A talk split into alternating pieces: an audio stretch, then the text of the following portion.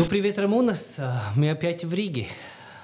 Спасибо за приглашение. Очень приятно здесь быть. У меня очень хорошие воспоминания про Ригу.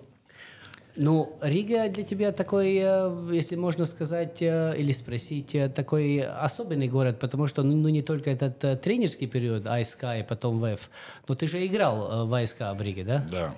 А Какие В общей это были? сложности я посчитал. И в общей сложности я почти 10 лет жил своей жизни. Из 59 лет я 10 лет прожил в Риге. А ты играл в Риге в какие те года? Э, 85-87. Ну, тогда, конечно, АСК и ВЭФ это уже ВЭФ серьезнее, АСК, АСК на втором месте. Э, Да, да. Хотя в первый год э, АСК тоже играла в высшей лиге, а потом выпала в первую лигу. И мой второй сезон э, в АСК был уже в первой лиге. А ВФ играл в высшей лиге, и они были там довольно высоко, в середине, в середине этой таблицы. Это, ну, армейское время, да? Да, да. Я был студентом первого курса. После первого курса нас забрали всех в армию. В этом году там была война в Афганистане, и брали даже студентов в армию. И я попал в Добеле-2. Оттуда меня пригласили в Ригу через два месяца. И я почти два года жил еще в Риге. И какой тренер тогда был у АСК? Болвачев. Очень уважаю этого человека. Неузарядная личность, хорошее понимание баскетбола, и самое главное, человек был очень приятный. Ну, а скажи, вот э, если мы говорим про эти 80-е, ну, э, тогда уже, ну, если так честно, ну, литовский баскетбол и латвийский баскетбол – это уже вся, все-таки разные уровни. Но я вам скажу так, что я очень уважаю латышский баскетбол, и в латышского баскетбола очень красивые традиции, глубокие. И если сравнивать, э, были упадки в литовском баскетболе, были упадки и в латвийском баскетболе. Но я думаю, что теперешняя сборная Латвии – это один из главных претендентов на медали. И только такая, сказал бы, не совсем умная политика ФИБы не разрешала латышам это доказать раньше. И В я- каком аспекте? Потому что эти окна, которые- в которых не могут играть самые лучшие игроки, это касается не только Латвии, это касается и Литвы, и Сербии, и других стран. И не пробивались финалы, финальные этапы. А в этом чемпионате уже Латвия будет как хозяин. И я надеюсь, что вы соберете самых лучших. И я честно скажу, что, что Латвия один из претендентов на медали.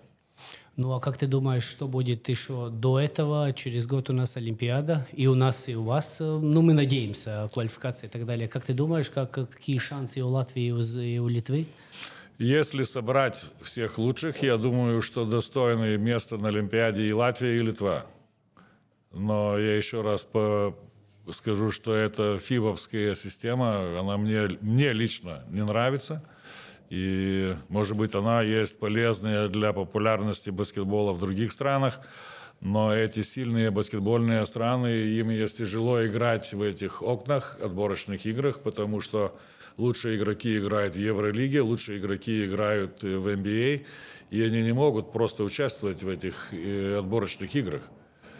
И потерпела Латвия это, и, и проблемы у Литвы, проблемы у тех же самых сербов.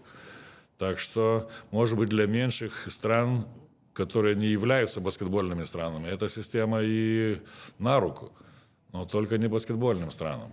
И в целом баскетбол терпит потому, что зрители не, вид- не видят самых лучших игроков в этих отборочных играх.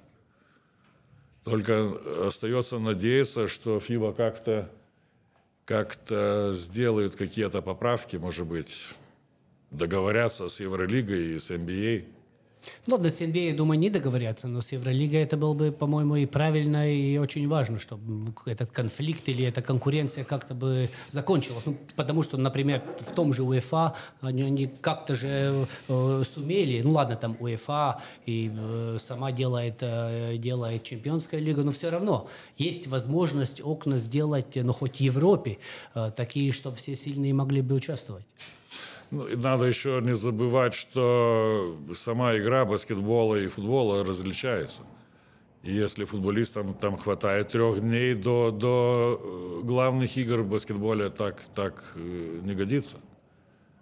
Там другая тактика, другая специфика игры. И неподготовленные команды часто проигрывают. Хорошие команды. Ладно, поговорим, может быть, э, Рамона, сначала про, про старые времена.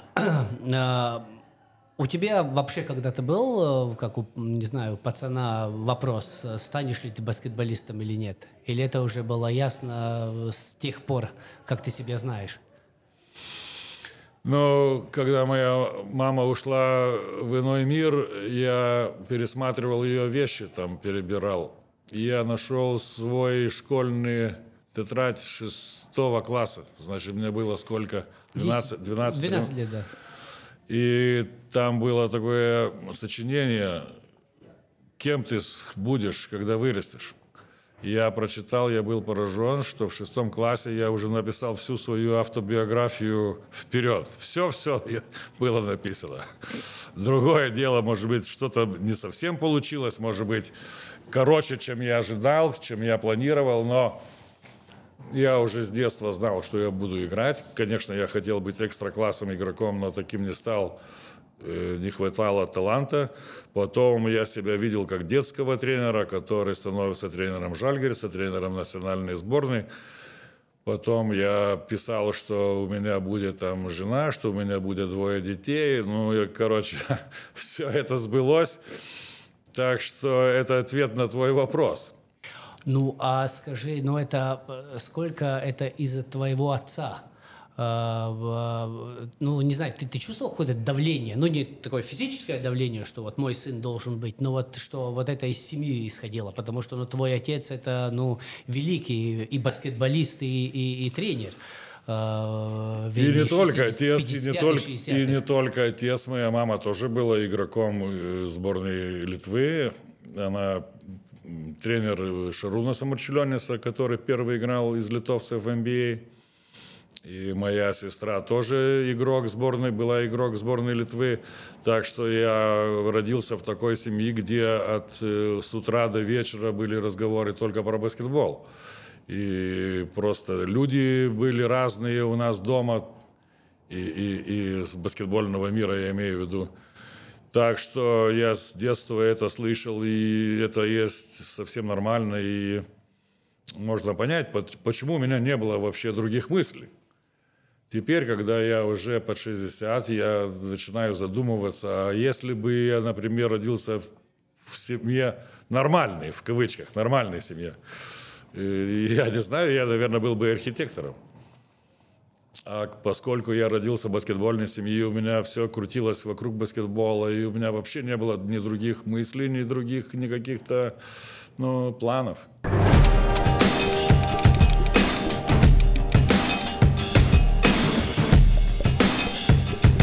Hei, vai zināji, ka virsmu veikals tagad pašā Rīgas centrā? Ejam iekšā! Kā vienmēr, jūties kā mājās.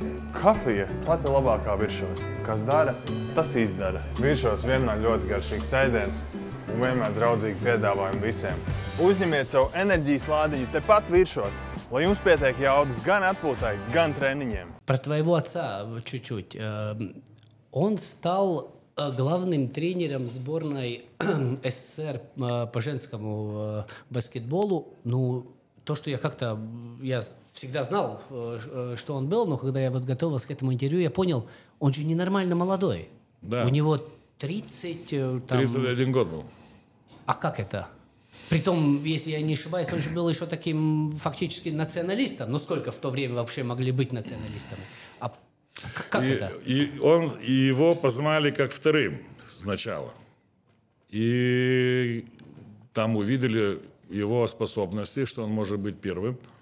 Его просто, как в те времена было принято, его, при, его вызвали соответствующие органы и сказали, что если ты хочешь стать главным тренером сборной Союза, ты должен поступить в партию.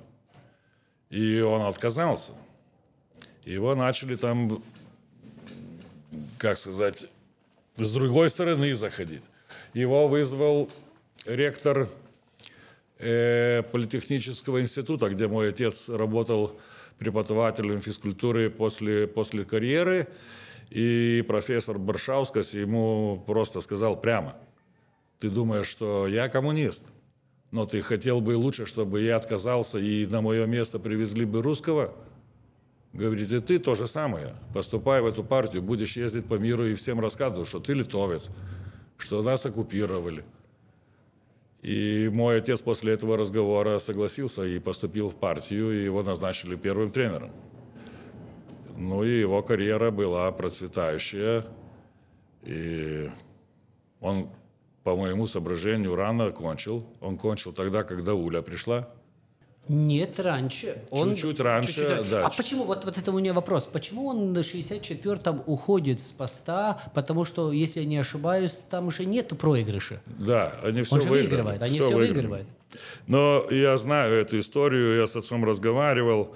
Теперь, когда мне 60 уже стучится, я понимаю, что это было сделано специально. Там, что я сам работал эту работу, я знаю, когда тебе за спиной стоят с косами. Я это чувство очень хорошо знаю. И, наверное, ВЭФ был единственная команда, где я этого не чувствовал. А это есть везде, во всех странах, во всех командах. И отцу, на это место отца было много желающих. И, конечно, там всякие интрижки были. А мой отец был очень принципиальный, очень такой, как сказать, резкий и резкий в решениях. И мог кого, не, кого хочешь послать на три буквы. Там, не знаю, секретаря партии мог в лицо ему сказать. И его просто, теперь я понимаю, его просто вы э, спровоцировали. И, и сразу скажу, мой отец никогда не считал денег, и ему деньги были вообще бумажки, деньги были бумажки.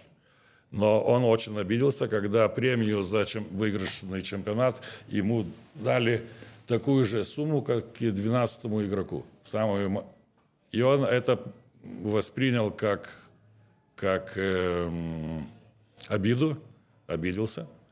Просто как, не, э, как это слово, неуважение. И он сам ушел. Так вот было. Это я очень хорошо знаю, я это с, ним самим обсуждал. Только я теперь понимаю, что его спровоцировали сто процентов. Ну и после этого, после ухода, он что он делал до э, периода Кубы? Он работал э, в политехническом институте. Он тренировал женскую команду, мужскую команду. И его на Кубу ему, его пригласили как женского тренера. В Кубу. Да.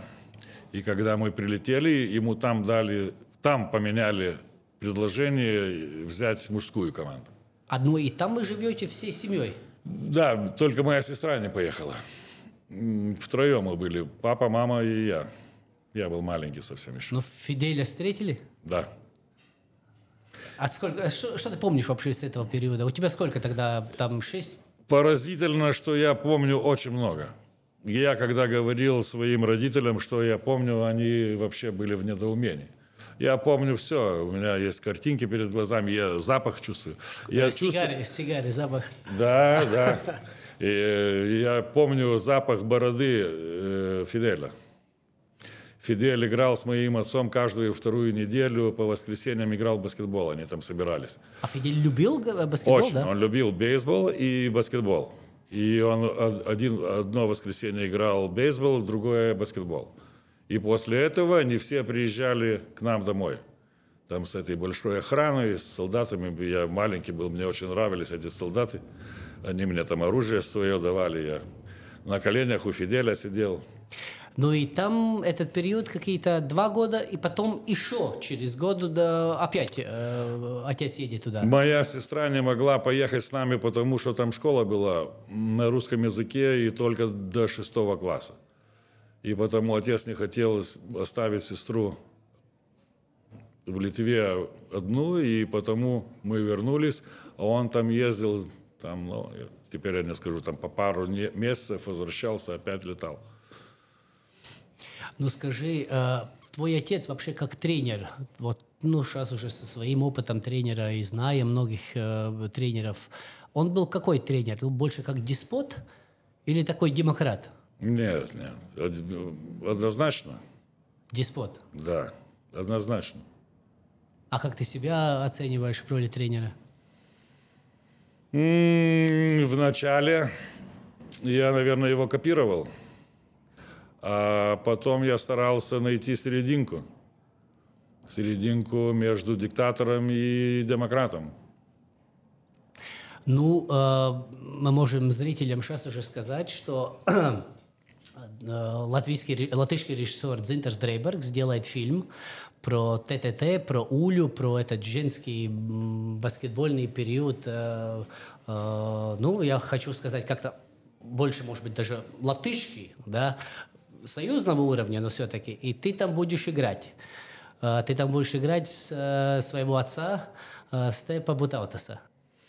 Да, Дзиндерс позвонил мне с таким предложением, и я попросил пару дней подумать, потому что, ну,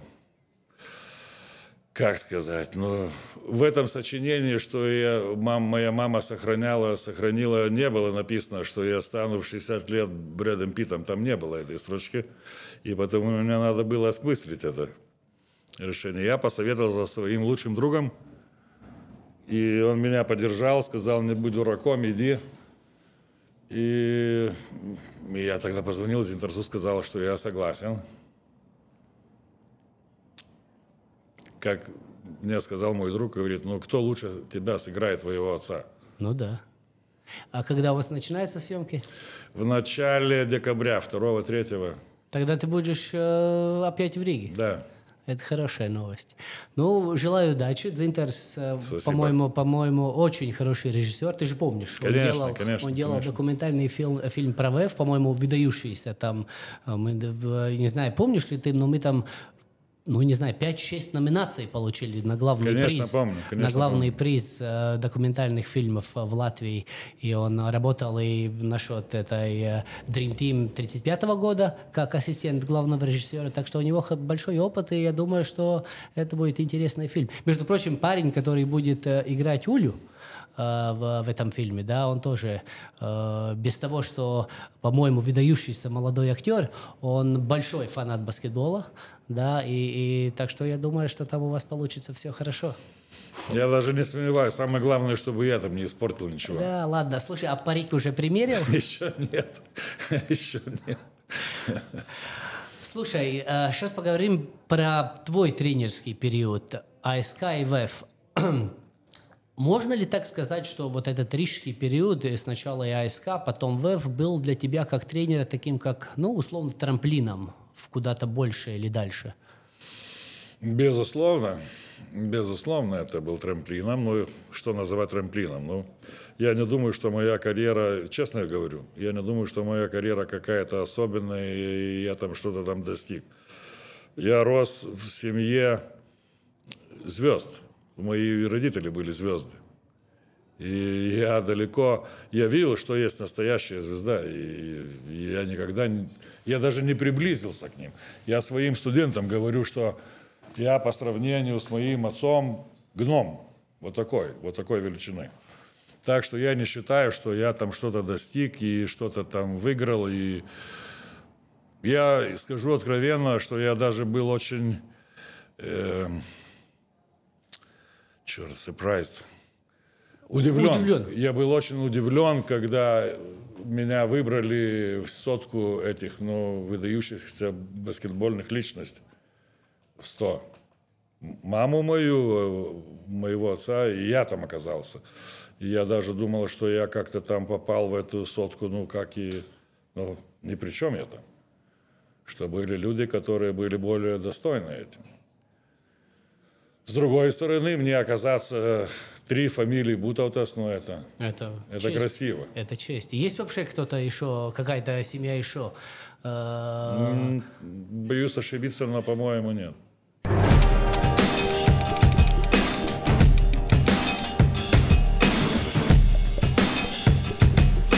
Spēlēt prot daudz. Laukumā visu izšķir detaļas un nianses. Katrā uzbrukumā, katrā aizsardzībā. Jo augstākā līmenī tu spēlē, jo likmes un prasības ir augstākas. Mēs strādājam dienu no dienas, gadu no gada, lai slīpētu katru sadarbību, saspēli un metienu. Tikai tāpēc mēs uzvaram. Rietumbanka kvalitāte nekad nav nejaušība.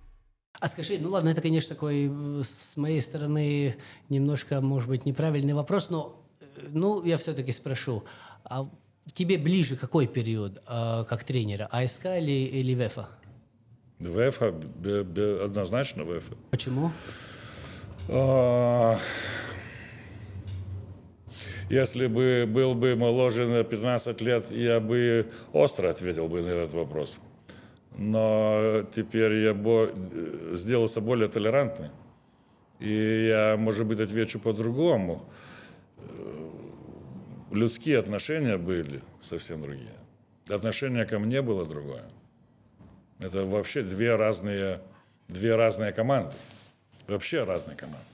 Хотя мы с ВСК здорово играли, мы отняли это чемпионское звание у, у, у Венспилса, и, и мы, мы команду хорошую набрали, и там мы могли пойти очень высоко, если не этот банкрот.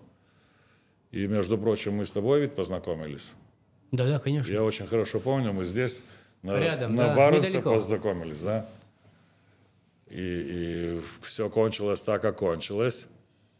М, После боя кулаками не машут, и я тут не буду в эти подробности уклад- э, вкладываться. Но когда ты мне позвонил и предложил тренировать ВФ, так я... У меня не было сомнения, ехать или нет. Это очень хорошо, я помню твой звонок. Это было в марте, по-моему. Да, да.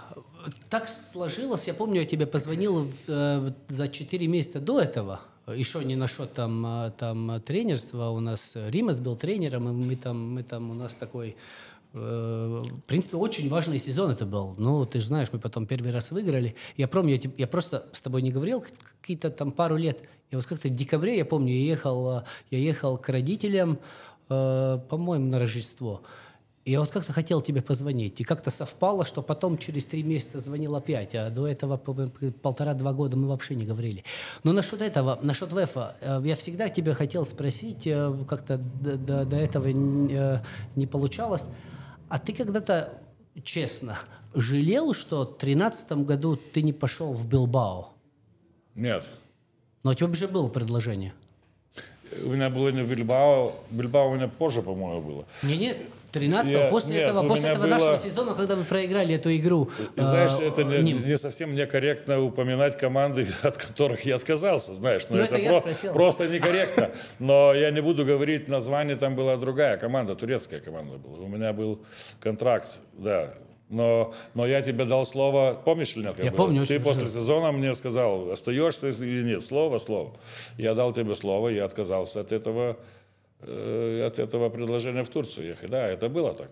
Сожалею, нет, не сожалею вообще, я ничего в своей жизни не сожалею.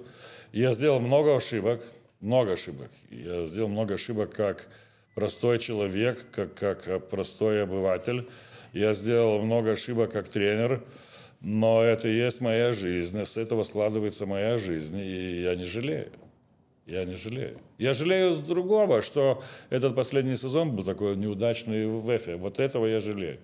Я помню, как это все складывалось, и я думаю, знаю причины, но, но, но, но очень жалко, очень жалко. Этого сезона очень жалко. Почему, по-твоему, не получился у нас этот э, сезон 13-14 года? Ну, не знаю, надо ли про это говорить. Я скажу так, что было, э, коротко отвечу, очень поздняя комплектировка была. Ты, наверное, помнишь, как Я там помню, это все да. проходило. Мы ждали латышских игроков, которые нас держали за яйца, потому что они искали зарубежных контрактов, и нас оставляли как сказать, как это сказать? Вариант Б. Да, да, да. Мы как эти ждали, ждали их, ждали, ждали, и потом игроков раскупили, и мы в очень поспешно, поспешно, вот это слово русское, поспешно мы там купили, кого купили, и такой этот сезон получился. И очень жалко, что не смогли удержать эту команду, которую мы до этого сезона имели. Если бы нам удалось эту команду удержать, я, у нас была отличная команда. Но Роланд, по-моему, в Эфес играл свой сезон карьеры. Может быть, Наверное. не- ну, ну так, по спортивно. Он, он, между прочим, это и даже публично говорил. Да, да, да. И он не, один раз это я читал сам. Он теперь играет, знаешь? Он, Он еще Польше, играет. в Нет, Польше. он играет во Франции. А сейчас во Франции, ну, он в Польше тоже Да, играл, да, я видел его и одну игру, знаешь, он играет как 20-летний. Тело, все, скорость, все это, все осталось у него. Ну, крутой парень. Да, Он да. парень. И как личность был, очень приятная личность. Слушай, если, если немножко отпрыгнуть обратно насчет этого периода э, в Жальгарисе, я никогда не понял, что там случилось. Четыре месяца ты там был, с декабря по март. Сам ушел, сколько помню, или публично. Что там случилось? Ну что, что, ну там был конфликт с этим э, Собственником? собственником, да, собственником. Ну и он там после игры мы проиграли слабой команде. После этой игры он уволил Паулюса Матеюнаса и Бразиса. Ну, я пришел, говорю, дай ты мне эту бумагу, я подписываю, ухожу вместе с ними. Так все это было. Там он пытался меня отговорить, я не пустился ни в какие разговоры. И, как говорится, махнул рукой и ушел. Ну, у него личность. Я никогда не говорю плохо, не буду говорить пл- плохо против Романова. Если он бы сидел на твоем месте, я ему бы сказал, мне не нравится это, ты такой, ты это плохо сделал. Но поскольку он где-то в России прячется, я не буду на него наговаривать. Ну, про него, конечно, тоже фильм могли бы снять. Ну да. Да, я просто читал про, про это, э, ну, у нас был, была такая большая статья пару лет назад, по-моему, два-три года назад, про его этот, э, ну, это, я не понимаю, бизнес или, или, или, или хобби э, в Шотландии с этим футболом, это же вообще, это же вообще. А сейчас он на какой-то подлодке живет в России, я что-то читал такое. Он, я знаю, что он еще тогда, в те времена, он купил часть подводной лодки, в которой служил. Ну да, я что-то читал, что он даже там живет сейчас. Э, ну, Я не знаю, живет ли или нет, но, но это факт есть. Он мне сам это говорил. Слушай, мы с тобой много играли э, с россиянами. Ты не работал в России, но, но мы много работали, мы, мы много играли. Твое мнение, нам же, ну, окей, я буду про себя говорить. Мне всегда казалось, э, эти люди э, баскетбольного общества России, они все-таки такие довольно демократические, довольно открытые, довольно, ну, хоть э, Лига ВТБ в одно время, в Лиге ВТБ в одно время даже было больше команд не российских, в отличие от КХЛ, чем российских. И все эти решения принимались, ну, я скажу, довольно открыто и демократически. И мне казалось, что это действительно, ну, э, ладно, мне никогда, не казалось, что вообще такая война может начаться, но все-таки я не мог себе представить, что никто, ну, я не слышал никого, что никто не выступит против. Это что, по-твоему? Трусость, э, не знаю, жадность к деньгам, э, э, страх от, от власти? Почему это так, что мы не, сли- не слышим ни одного голоса серьезного с российского баскетбола, который бы осудил эту войну, которая сейчас идет в Украине? Потому что варварская страна, потому что варварский менталитет. И не только у глубинного народа. Это большинство поддерживает и интеллектуалов. На, на, на пальцах можно сосчитать интеллект- интеллектуалов, которые высказались против. Это одиночные э, личности. А вся большинство, они поддерживают, они поддерживают, они так и думают. Это гомофобская страна. Это шовинистская страна. Они на других народов смотрят свысока. Надо вспомнить Советский Союз. Мы жили в Советском Союзе.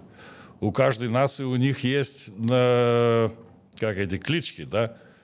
Литовцы – лабусы, кавказцы – чурки, украинцы – хохлы. Ни на литовском, ни на латышском нету таких прозвищ, да? Почему? Потому что такой народ есть.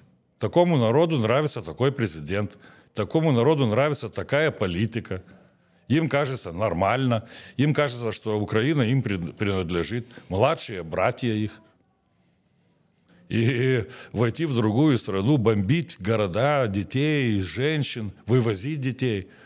Но это есть варварство. 21 века, варвары 21 века. Ну, мы тогда, ну, условно, я тогда ошибался, не видя это, по-твоему? Э, я скажу так, я тоже не задумывался в те времена, потому что проект, вот этот проект ВТБ-лиги, ну, были собраны, ты помнишь, самые лучшие тренера, ты вспомни, кто работал. Конечно. Самые лучшие игроки, условия, они какие большие деньги в это вкладывали. Теперь, теперь уже через перспективу времени, когда я думаю, я задумываюсь про это, я задумался. Теперь я понимаю, что это было это называемая, как сказать, мягкая сила. Так как и концерты этих всяких газманов. Но есть, это есть чистая пропаганда. Чистая пропаганда. Но в те времена мы не задумывались про это. Потому что казалось, что Россия идет э, в Европу, что эта страна становится демократической, что люди тянутся к европейским ценностям. Они сейчас про свои скрепы разговаривают. Это скрепы есть. Это какие скрепы? Мусор, кровь. Это скрепы есть.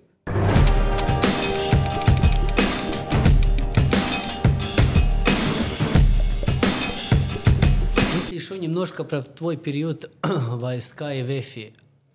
Можно так сказать, что Сандис Валтерс был таким особенным игроком в твоих этих двух командах? Я не хотел бы вдаваться в, в личности, потому что не хочу обидеть и других. И, например, я ждал твоего вопроса, когда я ехал в Ригу, сидел в машине, и жена говорит, что ты молчишь? Я говорю, я уже интервью даю. И я подумал, что ты будешь спрашивать, как, какое место ВФ как команда занимает. Я тебе отвечу так, что я не могу сказать, что, например, там та команда или тот игрок был самым мой любимым, потому что я обижу других.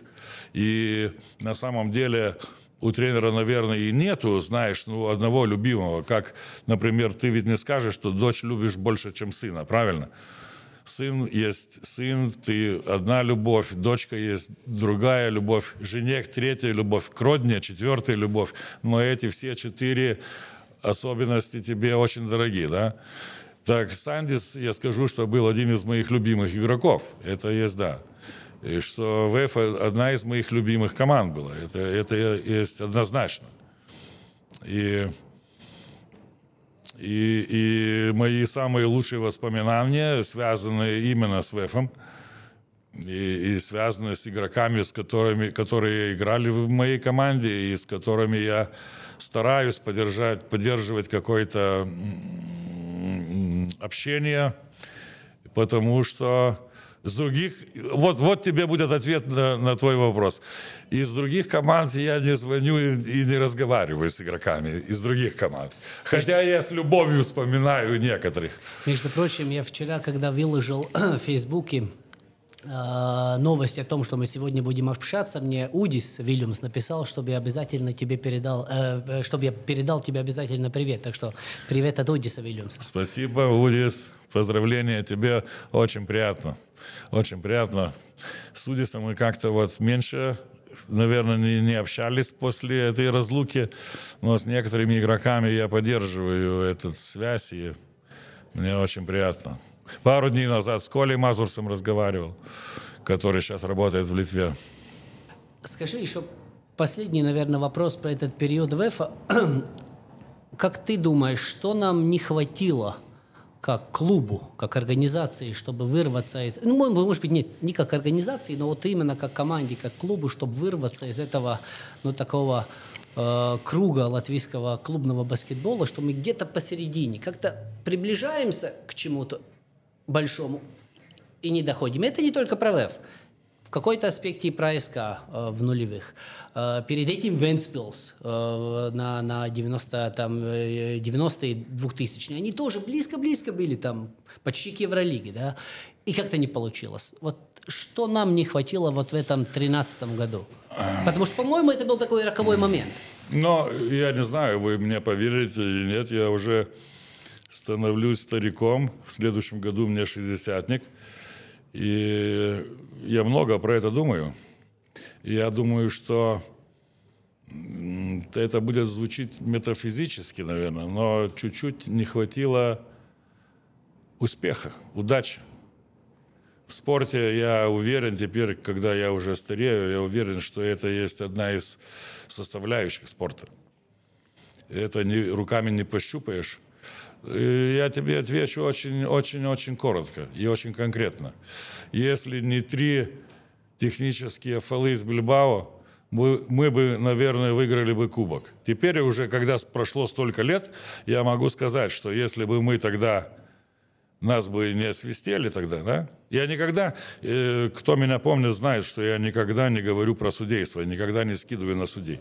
Но сейчас я уже не тренер, сейчас уже, уже старик, я могу сказать, что я думаю три технические фолы, которые угробили ВЭФ. Потому что если бы мы выиграли по тем соперникам, кто нас бы ждал в следующем этапе, я думаю, что было нам по плечу выиграть этот кубок. Между... И вот тогда, тогда ВЭФ бы вышел на этот уровень. Между прочим, в том году в финале играли две команды, которых мы в том сезоне оба выиграли. О чем разговор? О чем разговор? Так что надо по сказать спасибо одному судье из, из Литвы, Ты литовцу. А, литовец был? Он свистнул все три фола. Окей, я даже этого не помню. Да. Слушай, ты смотрел э, Кубок мира э, в этом году? Ну Конечно. ладно, смотрел, это ясно, что смотрел. Латвийскую сборную смотрел? Я не то, что смотрел. Я разбирал эту игру и показывал своим студентам. И конкретно защиту защитную тактику банки. Я своих студентов. Ну и на, круто. на примере латышского, латышской сборной я учу своих студентов. Между прочим, я тебе а, один рассказ э, расскажу. Э, в том сезоне, когда ты к нам при, э, пришел, в конце сезона, в одиннадцатом, начинал сезон твой друг Римас. И, ну, там большой ажиотаж, Римас Вев взял, потому что Вев даже чемпионом не был перед этим сезоном, да. И Римас пришел, он же там только полтора года назад выиграл э, кубок. кубок.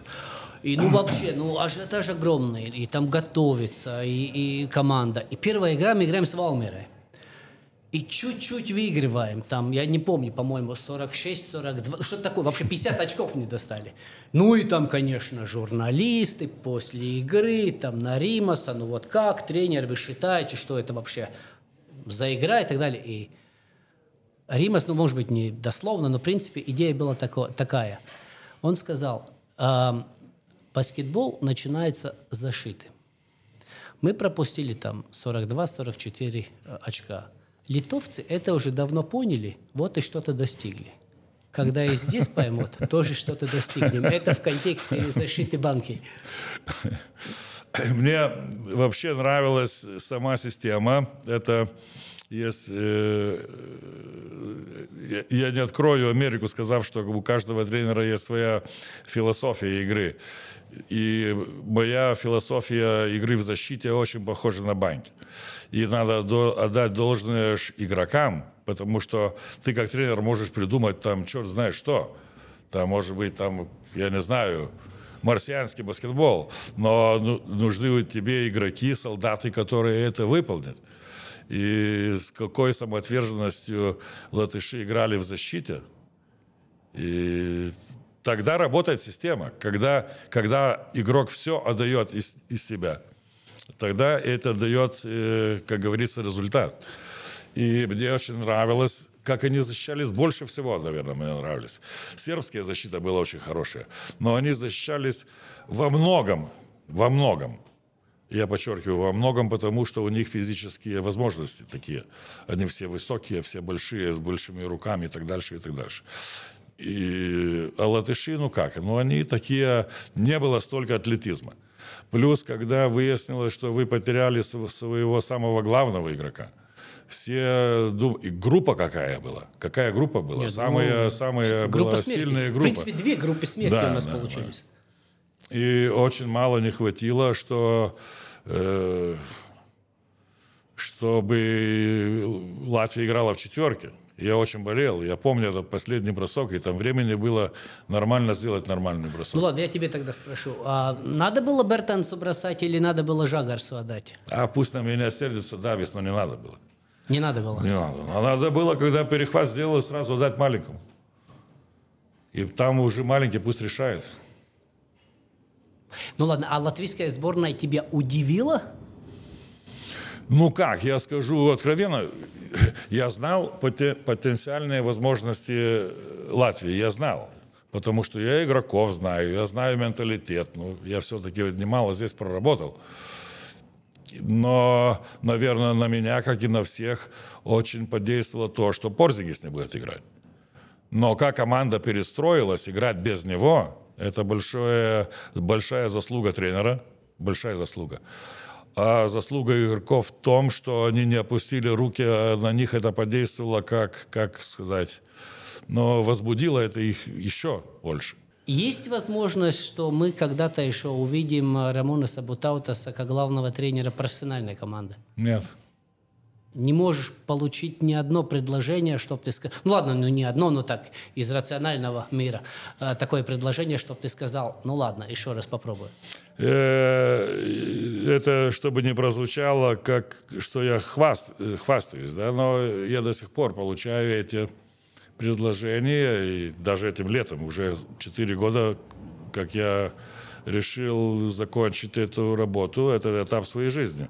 Я это сделал ос- осознанно, и это не был, как сказать, такой, такое решение, как это слово забыл, и это все было обдуманно, и я просто решил, что, что я не буду участвовать в этой, как сказать, тренерской работе, активной и профессиональной.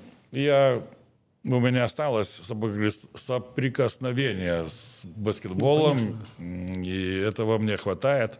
Ну, Конечно, иногда эти э, руки потеют иногда.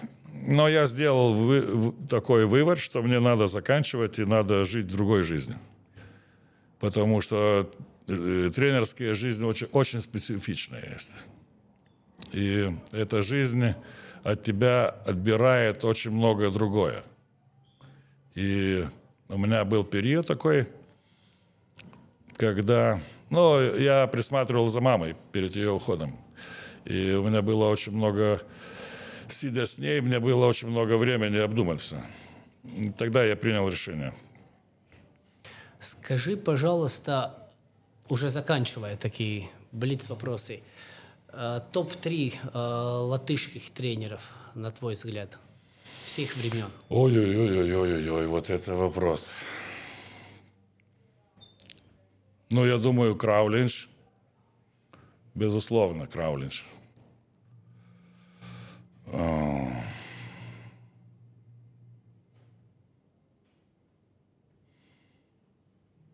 Но хочу передать привет господину Зелдиншу. Был мой тренером, тренировал меня, я играл у него.